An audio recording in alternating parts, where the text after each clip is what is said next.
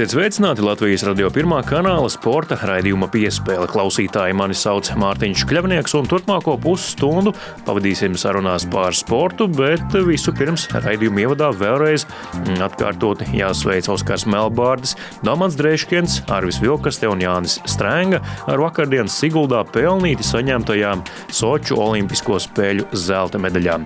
Tāpat Melbārdis un Dreiškiens saņēma arī olimpisko bronzu. Iespējams, ka daudz no jums klausījās Latvijas Radio 1 kanāla tiešraidi no Siguldas. Atkārtot šīs emocijas varat izbaudīt vēlreiz Latvijas radio mājaslapā, atverot arī arhīva sadaļu. Latvijas radio viens tiešraidi no Siguldas, kur mūsu bobslīsti svinīgā ceremonijā saņems godam nopelnītās Soču Ziemas Olimpisko spēļu zelta un bronzas medaļas. Sarunas ar Latvijas bobslēja vēstures veidotājiem un olimpiskajiem medaļniekiem. Tiešraidi vadīs Inita Kresa Katkovska, Gunārs Jakobsons un Mārtiņš Kļavinieks. Milzīgs pūlis ir ieradies Latvijas patriotu, lai atbalstītu, lai būtu klātienē šajā vēsturiskajā pasākumā. Un tev, Gunār, noteikti arī ir milzīgs prieks par to, ko mēs šeit tagad varam vērot. Jā, patiešām es šeit jūtos kā Olimpiskajās spēlēs. Un nāk prātā tas laiks, kad šī Siguldas trase bija vienīgā austrum Eiropā. Tagad tā ir trase, kuru pazīst visā pasaulē. Tālākais plānā, protams, ir tas pats galvenais. Medaļu pasniegšanas ceremonija sāksies ar bronzas pasniegšanu. Oskaram Melbārdim un Daumantam Dreiškanam. Pēc tam, uzreiz pēc tam arī četrnieku zeltu saņems Oskars Melbārdis, Daumans Dreiškans, Arvis Vilkasti un Jānis Strēng. Es domāju, ka viņi jau nepacietībā mīņājas un nespēja vien sagaidīt šo brīdi. Jā, bet es domāju, ka mūsu pieredzējušais kolēģis Gunārs Jakobsons, kas ir 13 olimpiskajās spēlēs, vērojis ne šādas, protams, ne šāda līmeņa, bet tomēr citas zelta medaļu ceremonijas, šobrīd arī jūtās īpaši aizkustināts. Jā, un nāk prātā arī medaļu pasniegšanas ceremonijas senajās Olimpiskajās spēlēs, varētu teikt, jau Sarajevā, piemēram, 1984. gadā, kur jau tad bija zināms, bija šis motors toreiz izcīnot ļoti grūtā sasniedzinātā cīņā olimpisko bronzas medaļu. Es jūtos kā lielos pasaules svētkos. Vērojot šo milzīgo cilvēku pūli, šos karogus apjaušam, cik bobslēgs ir kļuvis populārs visā pasaulē. Nu, lūk, tagad bobslēgs ir viens no, protams, vadošajiem ziemas sporta veidiem pasaulē un, protams, arī Latvijā. Un nu, kulminācija ir iestājusies, medaļu pasniegšanas ceremonija ir sākusies. Vēlreiz aplaudēsim arī pie saviem radioaparātiem, olimpiskajiem čempioniem, Daumantam Dreiškanam, Oskaram Melbārdim, Arvim Vilkastam un Jānim Strēngam. Viņi ir saņēmuši Soču ziemas olimpisko spēļu zelta medaļas.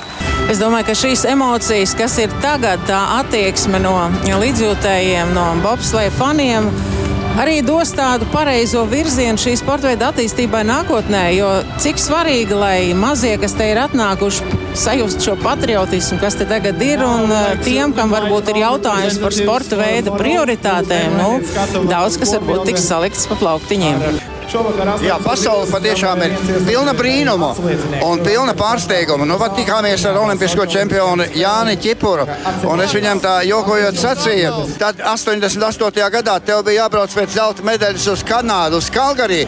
Tagad zelta medaļas atceļojušas pie mums uz Latviju, uz Siguldu. Viens mats ir trausls, bet, ja sapīt bizē, tu viņu nekad nepārrausi. Ja? Un muskuļu šķiedra arī bija kvijums. Protams, vēlākais prieks, ka mēs palikām elitē, cīnījāmies un labi nospēlējām, es domāju. Zīmīgi, ka šodien aprit tieši 40 gadu kopš kamīņbraucējas Vēras Zozuļas olimpiskā zelta, tā kā viena vēsturiska diena seko citai. Bet ne par to šodienas raidījumā. Šodien runāsim gan par Siguldas trāses ledu, gan arī par tenisu un pludmales volejbolu. Bet tas viss jau pēc pavisam īsa brīža.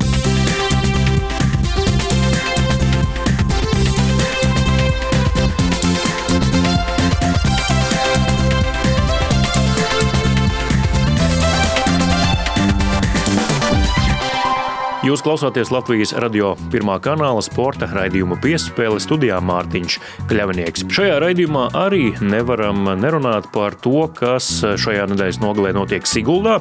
Bez olimpiskās zelta un bronzas pasniegšanas tur vakardien arī sacensības skeletonā un bobslējā divniekiem, un šodien programmā tieši tas pats, bet pasaules kausam paralēli notiek arī Eiropas čempionāts.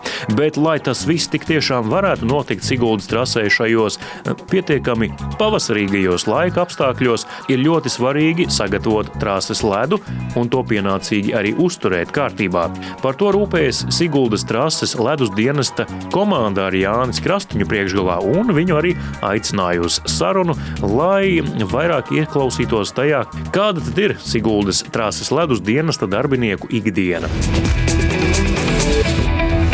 Jānis Krastīņš, Siguldas bobsleja un skeletona trases ledus dienas vadītājs. Tāds ir precīzs samats. Jā, jā Sveiki. Tā. Sveiki. Tuliņ, tuliņ jau sāksies arī pasaules kausa izcīņas posms bobsleja un skeletonā. Šeit arī Eiropas čempionāts un galu galā arī eh, sestdien. eh, Olimpiskā zelta pasniegšana tev un taviem darbiniekiem, eh, cik liela problemātika ir šī brīža laikapstākļi, lai sagatavotu trasi braukšanai? Es domāju, to arī zina visi tie, kas ir uh, hokeja cienītāji, kas taisa hokeja laukums sev pie mājām. Ka šodien tas nav iespējams, principā, bet paldies Dievam, mums ir saldēšanas iekārtas, kas mums saldē ledu, bet nu, ziema nav, principā ir rudens. Ir visu laiku rudens, lietus, mitrums. Nu, darbs ir vismaz reizes desmit, kā bija pagājušā sezonā. Kas ir tās metodas, kādas jūs izmantojat? Jūs varbūt vairāk saldējat no apakšas, vairāk skrāpējat pēc tam nost. Tās nianses kādas ir. Jāsaldē ir vairāk. Līdz ar to elektroenerģija aiziet nenormāli. Ārā ir plus 7, plus 10 grādi. Līdz ar to mums nākās uh, dzīt iekšā trasē ap minus 12 grādiem temperatūra. un Tad tas kontrasts ir milzīgs. Un tad veidojas tā sārma, un līdz ar to tev ir daudz vairāk jāievēlē, jāstrādā. Katru dienu viss strāsa pilna ar sniegu. Nu, mēs cenšamies uzturēt ledu pēc iespējas labāk, bet uh, nu, tas ir grūti. Kādu līdz ar to konfigurāciju jūs izvēlaties? Trases ir vienkāršāk izbraucamas sportistiem līdz ar to šobrīd, vai kā to var vērtēt? Nu, šī trase nevienam noteikti nav vienkārši izbraucama. Bet salīdzinoši ar tādiem normāliem ziemas laikapstākļiem, kāda būtu, kā jūs veidot virāžas, Nu, noteikti būtu ātrāk viņa. Šobrīd viņa ledus bija dziest. Protams, pirmie braucēji jau dabūtu tur nobraukt pa tādu ātrāku ledu, bet nu, ar, ar katru nākamo braucienu jārā ir pluss. Tad nu, ledus dziest un viņš paliek lēnāks un stūrēt noteikti ir vieglāk. Es teiktu, ka trasi ir vieglāk noteikti tagad nekā mīnus 10 grādos. cik tu pats esi nostaigājis, jo tagad uh, salīdzinoši kilometrus pa to trasi nu, ar tādu normālu sezonu, salīdzinot, kad ir ārā mīnus un īsta ziema. Noteikti reizes divi noteikti. Daudz sadāk staigāt, jā. Bet nu, mums ir labi, mēs esam sadalījušies pa sektoriem. Ir džeki, kas katru dienu iet visu, visu trasi, kas tīra, bet uh, ledus meistariem savu sektoru sadalīt. Tad viņi principā par tiem arī atbildē. Šobrīd mēs esam pie starta Siguldas trasē. Un, Nu, jautāšu tā, varbūt iezīmēt tādu rutīnu. Ja tu šobrīd atrodies pie starta, ko tu plāno darīt šobrīd? Kā tas viss sāks? Nu, sākumā ir jāiztīra tagad pa visiem ātri trasi, jānolē. Jāsagatavo starta zona. Šajās sacensībās uh, galvenais ir uh, starta zona. Starta ieskrējiena grope. Bobslēm varbūt viņa var būt izlausta vai kāda. Bobslēs uh, ar visām četrām ir abās grupēs, bet skeletonam vajag ļoti labu vienu gropi, kas skrien pa labo gropi, otram vajag ļoti labu, kas skrien pa kreiso gropi.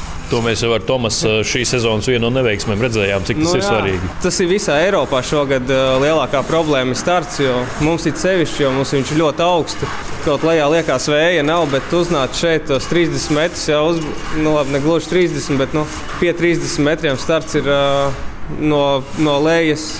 Tad te vējš ir visu laiku. Un, Un te tas starts kūst. It sevišķi, ja filmētāji ir, kas uh, televīzija prasa, lai ir viss žalūzijas vaļā, lai viņi var nofilmēt. Saulīt vēl iespēja. Saulīt iespīd, ā, lietus uzlīst, vējš, viņi iepuš iekšā. Tā ir liela problēma. Šodien, principā, man darba vieta ir vairāk šeit, starts. Cik daudz ledus dienestam ir jākonsultējas ar sportistiem? Mm, Viņu viedoklis jāuzklausa, kas labi, kas nav labi, kas jālabo. Gan jau tu esi sazobējis ar latviešiem visticamāk, vai ne? Jā, daudz īstenībā ir. Mēs neesam paši braucēji. Protams, var uztaisīt tās ielas, izējas, pārējas, uztaisīt trasu, kā tev liekas, vislabāk. Bet nevienmēr tas būs vislabākais braucējiem. Pamats jau mēs visi, protams, zinām, kā vajag un kā ir jābūt. Bet nu, ir sīks nianses, piemēram, tur kādu slīdu iegrebt vai kaut ko tādu, kas viņiem palīdzēs izbraukt to virāžu labāk. Un tāpēc mēs kontaktējamies. Kamanās kontaktējos ar Ināru visvairāk, jo tā radies vienkārši tāds labs kontakts ar viņu, un viņš vienkārši pastāsta, kā, ko vajadzētu varbūt vēl pielabot, ko mēs paši ar savu acu varbūt neredzam, kas liekas labi. Viņš saka, vienkārši tas būs labāk visiem, lai, vai mēs varam tā pielabot. Nu, izdarām to, tad viņš nobrauc treniņu, un tad es atkal aizēju parunājumu. Uzbūvējam to trasi. Nav tā, ka tikai ledus džeki paši visu uz savu galvu taisa. Mēs, protams, kontaktējamies. Bez kontakta tev nekas nenotika. Tāda lūk saruna ar Jānis Krastiņu, Siguldas trases ledus dienas vadītāju Jāni. Vēl pēdējais jautājums pirms nu, jālaiž gal galā tev arī strādāt. Nedrīkst tev aizkavēt pārāk ilgi. Tu biji arī tajā komandā, kas brauca glābt Soču trasi, vai ne? Pēdiņās glābt pirms Olimpiskajām spēlēm, vai ne? Jā, tas bija traģiskākais vispār, ko es dzīvē esmu redzējis. Es ceru, ka tāda trasa mums nekad nebūs. Jo visi zina, kādi ir zemes ceļi pavasarī, kad nokost ledus, un viņi ir nebraucami. Un tāda arī bija tā trase. Ja es nemaldos, 18 stundas no vietas mēs tikai līmējām. Tad viņi bija kaut kāda. Tā kā arī tev ir jāsaka paldies par to, ka sestdien šeit Siguldā pasniegts Olimpiskais zelts, ko Oskars Melbārds ar kolēģiem godam nopelnīja kopā ar Daumātu arī divniekus bronzu. Jo tu biji tas, kurš izglāba to trasi, lai tur vispār kaut kas varētu notikt. Cerams, ka tā bija. Varbūt, varbūt kā, kaut kāda maza nianses. Mēs tur viņi pieraduši pie mūsu darba, pie mūsu, mūsu ēvelējiem, varbūt kādas mēs profilus veidojam tur tajā laikā, tajā 14. gadā, tur uh, vietējie ledus meistari, kas bija, nu, viņi vēl nebija tik kompetenti, lai, lai tik augstā līmenī uztaisītu to trasi. Protams, tagad viņiem tur cepuri nost, nu, viņi ļoti labu ledu var iedot. Tad mēs paņēmām tādu svarīgāko trases posmu un to arī sataisījām. Mm. Varbūt tas arī palīdzēs, nezinu. Tā kā paldies arī tev un tavai komandai, ka acīm redzot, kādu kripatiņu no Olimpiskā zelta arī esat kaldinājuši. Paldies, Jānis, par sarunu un uh, lai labs ledus! Jā, paldies, vislabāk! Viens mats ir trausls, bet, ja sapīt bizē, tu viņu nekad nepārrausi. Ja? Un muskuļu šķiedra arī bija kvijums. Protams, vēlākais prieks, ka mēs palikām elitē, cīnījāmies un labi nospēlējām, es domāju. Turpinām skanēt Latvijas radio pirmā kanāla sporta raidījums piespēle studijā Mārtiņš Kļavnieks. Jaunais un talantīgais tenisists Kārlis Ozoliņš pār sevi ļoti skaļi lika runāt janvāra beigās, kad Austrālijas atklātā čempionāta junioru turnīrā aizspēlējās līdz vienspēļu pusfinālam.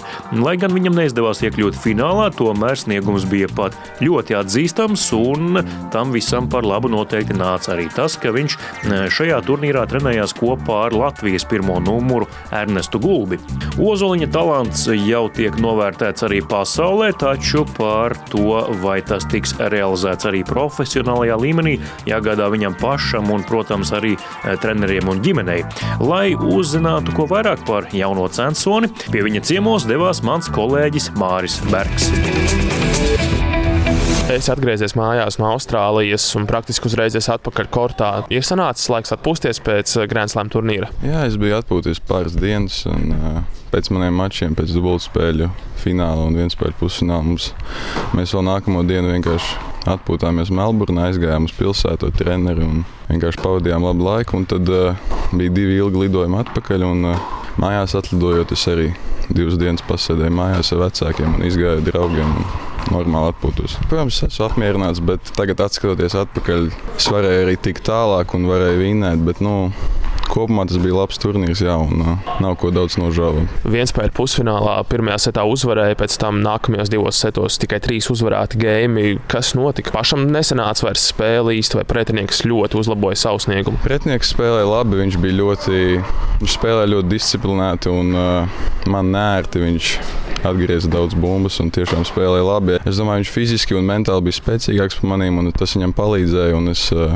tiešām nevarēju noturēt to līmeni visu maču laikā. Domāju, tas bija tas kas viņam bija labāks nekā man. Spēlēja arī dubultspēļu finālā. Nu, vismaz ir kāda trofeja, ko atvest mājās. Jā, dubultspēlēs mēs tiešām diezgan dramatiski tikām līdz tam finālam. Katrā mačā bija cīņas, bet uh, Mikulais ir man ļoti labs draugs un tiešām uh, mēs cīnījāmies, jo viņam uh, nedēļas sākumā aizgāja bojā vecstāvs.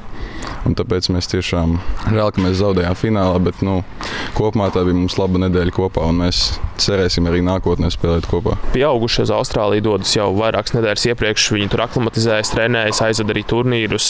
Cik ilgu laiku pirms Grand Slam juniori dodas uz Austrāliju? Parasti pirms Grand Slam junioriem ir viens turnīrs, kurš ir vai nu turpat, vai nu kaut kur blakām no Grand Slam. Un, uh, mēs bijām tur, tur bija turnīrs, un mēs, viņš man neaizgāja tik veiksmīgi, kā varbūt gribētos. Tad mēs trenējāmies katru dienu un gatavojamies Austrālijai. Tas bija nedēļa apmēram.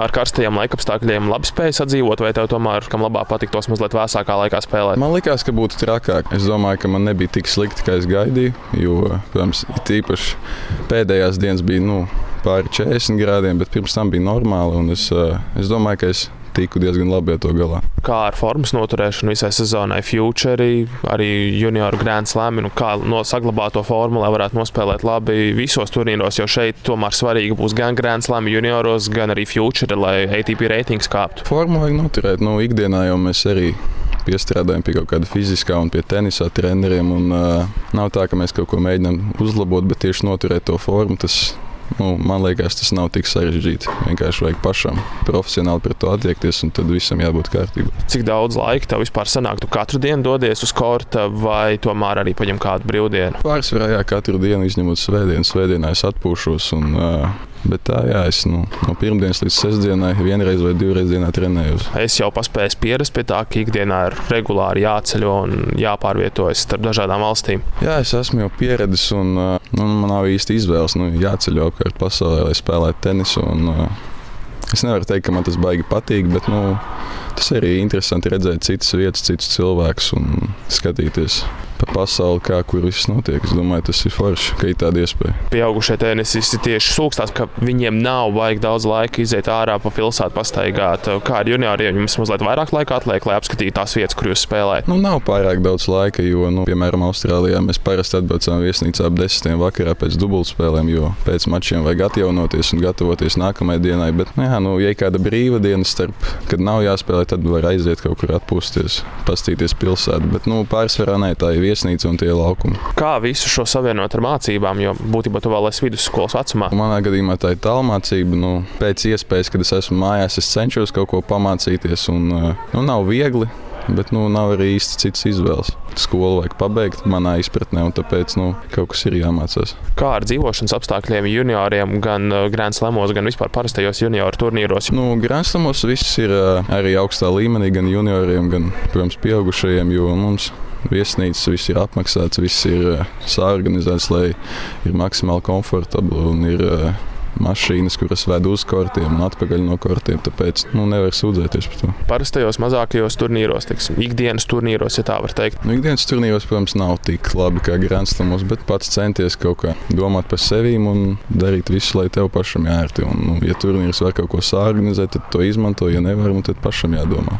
Pastāstiet, kāda stila tenisu tu pats spēlē un piekopi? Es mēģinu spēlēt agresīvi ar servi. Un, uh, iet daudz pie tīkla, jo esmu gara auguma un man īsti aizsardzības tenis tas nav mans, un man viņš nekad nav paticis. Tāpēc es spēlēju agresīvi, jā, un es mēģinu pēc iespējas ātrāk nobeigt tos izspēles. Ar kuru no mūsdienu tenisistiem visvairāk tevi var salīdzināt? Es nezinu, nu, nav tā gluži. Es, es pats nezinu, ko sev īsti salīdzināt. Jo man treneris man saka, bieži, ka es spēlēju kā agrāk, savulaik Marats Safins spēlēja, nu, Krievijas tenisa leģenda.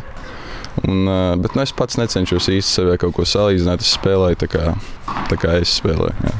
Tenis ir bijis tavs sporta veids no paša sākuma, vai es izmēģināju arī kaut ko citu? Nē, es neesmu mēģinājis kaut ko citu. Es kopš sešu gadu vecuma jau sāku spēlēt tenisu, un tā tas arī viss aizgāja. Ņemot vērā tavu augumu un spēcīgos sitienus, gan servē, gan no labās puses, varam pieņemt, ka hārts ir tavs mīļākais sagums. Noteikti, jā, hārts būtu mans mīļākais sagums. Es neesmu spēlējis uz zāles vēl pagaidām. Man nu, tāda iespēja būs vasarā šovasar Wimbledonā, bet nu, šobrīd hārts noteikti. Jā. Kā ar spēli uz māla? Es viens no tiem, kurš maksimāli cenšas izvairīties no māla, vai tomēr, ja ir iespēja uzspēlēt? Nu, šobrīd, jā, kad mēs veidojam turnīru plānu ar treneriem, mēs mēģinām pēc iespējas mazāk māla turnīru spēlēt, bet nu, nākotnē nevarēs no tā pilnīgi izvairīties un būs jāspēlē. Nav jau tā, ka es, ka es nevaru spēlēt uz māla. Vienkārši man nu, tas ir grūtāk priekš maniem.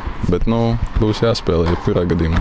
Tenisā ir kādi elki, kuriem tu sako līdzi? Man nav īsti elki, bet man ir drīzāk vienkārši mīļākie spēlētāji, kurus man patīk skatīties vairāk nekā citus. Tas būtu nu, Niks Kirgijos un uh, man arī patīk, nu, protams, Federers skatīties. Jo, nu, es domāju, Federers tas ir visizcilākais spēlētājs un vienmēr skatoties, kā viņš spēlēja, daudz ko var iemācīties. Esot tur uz vietas visos šajos turnīros, arī junior Grand Slamos, ir izdevies aprunāties ar šiem lielajiem, slavenajiem spēlētājiem no pieaugušo tūri. Aprunāties nav izdevies, bet nu, bija iespēja redzēt, kā viņi trenējās un kā viņi dara visu ārpus laukuma. Tas bija nu, tiešām interesanti paskatīties no malas, kā viņi attiecās pret visu, ko viņi dara. Tas tiešām bija, es teiktu, iespaidīgi. Droši vien, ka pievērs uzmanību arī tautiešu spēlēm, gan dāmām, gan Ernestam. Nu, jā, noteikti. Es, uh, sekoju līdzi pēc iespējas, kā Ernestam iet. Par sieviešu tenisu es mazāk interesējoši, godīgi sakot. Bet nu, man vienmēr ir interesanti, kā Ernestam iet, un es vienmēr novēlu viņam labāko veiksmi. Ar Ernestu jums ir draudzīgas attiecības, vai jūs tā īpaši vēl nekomunicējat ar viņu? Nē, nu, ar Ernestu mēs esam trenējušies pāris reizes decembrī un arī Austrālijā. Nu, es neteiktu, ka tās ir draudzīgas attiecības, bet nu, es viņu respektēju. Man arī vienmēr ir prieks paklausīties, ko viņš var pateikt un kaut ko iemācīties no viņa. ITF reitingā tagad es veicu lielu lēcienu, es sastajā vietā pasaulē pats šiem visiem reitingiem pievērsu uzmanību, vai kamēr tas nav ATP, tikmēr tu uz to neskaties? Nē, nu, es paskatos, protams, kad es nospēlēju veiksmīgu turnīru nākamās nedēļas sākumā, es paskatos, kurš esmu reitingā, bet nu, es mēģinu tam nepievērst uzmanību. Un, nu, skaidrs, ka pats galvenais un pats svarīgākais jau ir ATP, bet, protams, ir patīkami paskatīties, ka tu esi reitingā augstu stāvi virs citiem. Skatoties uz priekšu nākotnē, kuros spēles elementos tu jūti, ka vēl ir visvairāk vietas progresam? Es domāju, ka man uh, spēle spēles elementos varbūt nav tik daudz. Nu, protams, visur var progresēt, serve, labais, kājadarbība. Bet es domāju, viss svarīgākais man ir mentālā nu, stabilitāte un noturība. Es domāju, tas man būtu vissvarīgākais, ko man vajadzētu un es arī pats gribētu attīstīt un uzlabot. Iedomājieties, ka mēs šādu interviju atkārtojam pēc desmit gadiem. Kur tu pats sevi redzi pēc desmit gadiem? Pēc desmit gadiem es, protams, gribētu. Pirmkārt, jau es gribētu būt laimīgs un lai man nebūtu kaut kāda vilšanās sajūta, ka es varēju izdarīt kaut ko vairāk nekā es esmu izdarījis. Es domāju, tas man būtu galvenais. Profesionālie mērķi, reitingi, tituli. Protams, man mērķi, nu, es domāju, es mērķus gribētu paturēt pie sevis, bet nu, sapņi man, protams, būtu kļūt pirmajam pasaulē un vinēt Grand Slam turnīrus. Viņš bija tāds motivators, ka es arī gribu būt tur, kur ir viņš un darīt to, ko viņš dara. Visiem spēlētājiem mēs ticam, gaidām, un, un vēl nekas nav beidzies. Vismaz viena spēle mums noteikti. Jā. Jūs klausāties Latvijas radio pirmā kanāla sporta raidījuma piespēle. Studijā Mārtiņš Kļavnieks un šī raidījuma eh, trešais temats - pludmales volejbols. Mārtiņš Kļaviņš un Edgars Točs šonadēļ atgriezās Latvijā no treniņu nometnes Eģiptē, lai nokārtotu eh, saistības ar sponsoriem, kā arī mēģinātu iegūt vīzas eh, ceļam uz Ķīnu, kur aprīļa beigās un maija sākumā notiks divi pasaules kausa četru zvaigžņu posmi. Vēl gan nav zināms, vai sacensības tik tiešām notiks notiks, jo koronavīrus izplatās aizvien plašākā teritorijā un tiek atceltas arvien jaunas un jaunas sporta sacensības. Tomēr Mārtiņš un Edgars par to nebēdā, un Latvijas radio vairāk pastāstīja par to, kā ir sagatavojušies sezonai, trenējoties Eģiptē.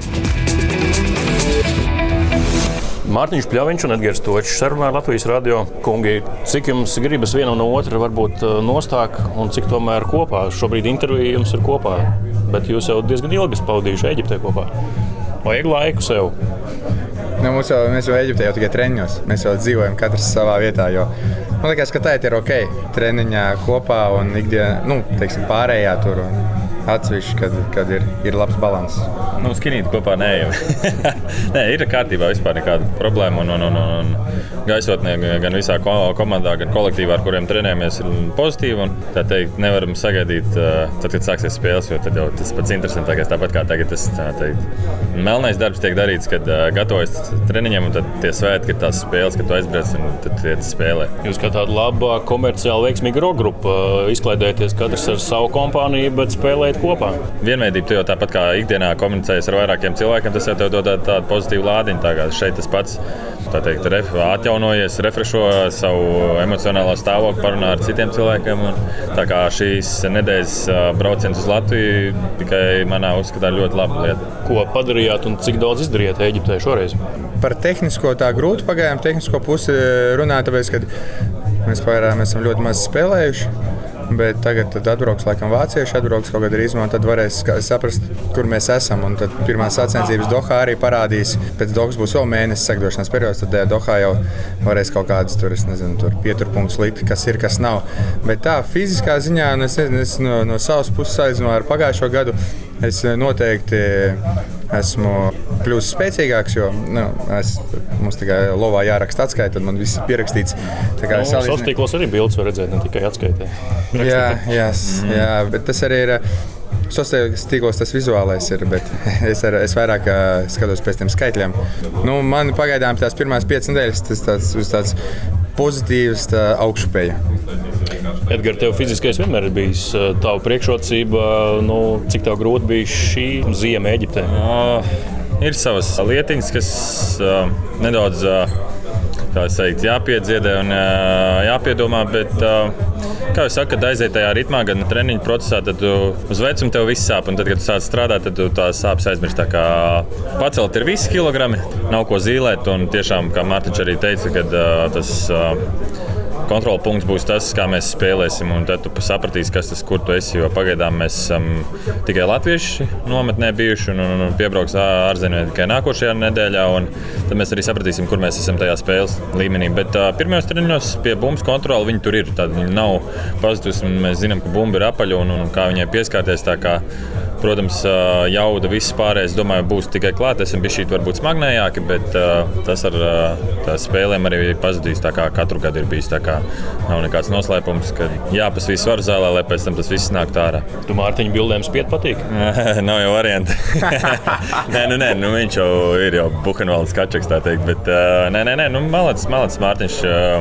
Salīdzinot kā pirms dažiem gadiem, tā attieksme un tā teikt, mācies visu, visu savu mūžu. Tā teikt, pilnveidojas ka nav ieciklējušies un attīstās puisis. Tad ir jau paraugs sportā kā nekā. Jā, tas uzliek kaut kādu slogu, Mārtiņ, tā piramīda, ko tu saņēmi 19. gadu nogalē. Es negribēju pateikt, ka tas ir uh, sloks. Es to vairāk uzskatu kā novērtējumu, jo neviens cits, nu labi, varbūt man sieva ir bijusi no paša sākuma blakus, bet lielākā daļa cilvēku ir bijuši kādā atsevišķā posmā, bet neviens jau nezina, kā viss tā ir izvērtusies. Nu, tas viss kopumā, un uh, līdz ar to, kad ir bijuši daudz grūti gadi, un tad uh, kad es esmu cīnījies visus tos, šitos gadus, tā piramīdiņa, tas tā, tā kā tāds novērtējums, un tad, nu, tas tāds, tāds patīkams emocijas, kad uh, izjūt visam, visai tai iepriekšējai karjerai cauri, ka to arī ir pamanījis kāds cits un to novērtē. Tas ir ļoti patīkami. Treneris Genādijs Samoilovs ir citādāks, kad viņam treniņos, nu, kā saka, ir jāpieskata tikai viens no diviem dēliem, vai tomēr Genādijs Samoilovs ir Genādijs Samoilovs visos apstākļos? Nē, atšķirība nav. Nē, ir savādāk, kad ir meitenes vēl dažreiz treniņā. Šogad mēs izjūtam, tad, ka meitenes ir klāta. Nē, treneris, treneris tāda personība nav tik viegli ietekmēt ar tādiem faktoriem, kas ir klāt vai nav. Viņš pats par sevi. Dažreiz viņam patīk, tad jūrmālas smiltīs saviem čomiem, kad aiziet pie viņa paspēlēt, nevis tā kā treniņā. Tad ir savādāk. Bet nē, šogad viss ir kārtībā. Edgars, tu vienā no intervijām man teici, ka tev mediju pratība ir ļoti svarīga lieta. Atlasīt pareizos avotus, kam uzticēties. Kāda šobrīd ar to koronavīrusu ir vispār, kā ir izsijāta, kura ziņa vispār ir patiesa, kurā ir ļoti daudz nepatiesības iekļauts? Uh, nu, tu jau, principā, kā, es parunājot, nu, piesardzība nekad nenāks par ļaunu arī pret to pašu, jebkuru vēdra vīrusu, jebkas, un arī tā pašā Olimpiskā vienība mums dod padomus. Viņa arī teica, nu, ceļojot, jau tā sejas maska arī nu, noderēs liek, un kā viņi tur jālieto, tika pastāstīts. Mēs jau lidojām uz šejieni svētdien, un Stambuls lidostā tu varēji novērot, kad uh, ir ir cilvēki, kas nesā tās maskas, un ir cilvēki, kas viņas nu, nesā. Kā, nu, e, tas ir tāds pagaidām ļoti daudz nezināmo, ļoti daudz īks, bet lieka piesardzība, es domāju, nekad nenāk par skādi. Bet tādā formātā, kā jau Mārtiņš teica par atcelšanu, neatcelšanu, mēs tā teikt kārtojam vīzes un esam gatavi braukt. Būs brauksim, nebūs nebrauksim. Un, un, un, un, tā teikt, tas mums nav vitāli svarīgi, bet, protams, spēlēšana būtu kā liels pluss.